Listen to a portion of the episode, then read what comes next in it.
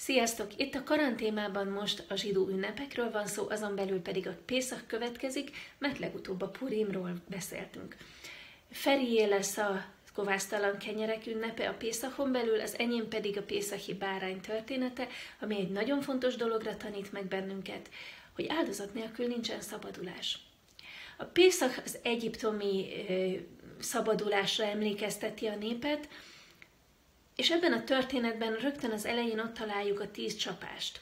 A tíz csapást az egyiptomi népnek kellett elszenvednie, a saját isteneikre jellemző csodák történtek, és azt tanulták meg belőle, hogy az örökkévaló ellen a saját isteneik, a saját területükön se tudják őket megvédeni.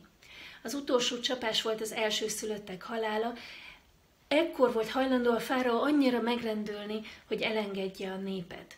És ez alól az esemény alól úgy lehetett mentesülni, úgy lehetett megszabadulni, hogy egy egyéves tiszta bárányt kellett feláldozni, és az ő vérével bekenni az ajtófélfát, és aztán családonként, kisebb közösségenként elfogyasztani vacsorára a pészahi bárányt csak ez, ez vonatkozott egyiptomiakra és zsidókra is, és csak az menekülhetett meg, annak az első szülöttje, aki ezt megtette. Tehát még egyszer mondom, ez nagyon fontos dolog, hogy áldozat nélkül nincsen szabadulás, és ez a messiásra is vonatkozik.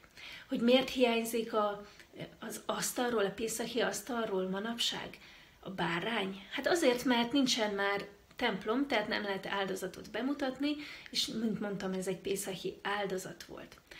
A Pészahi asztal többi eleméről majd beszélünk a Smúz Caféban hétfőn, addig is sziasztok!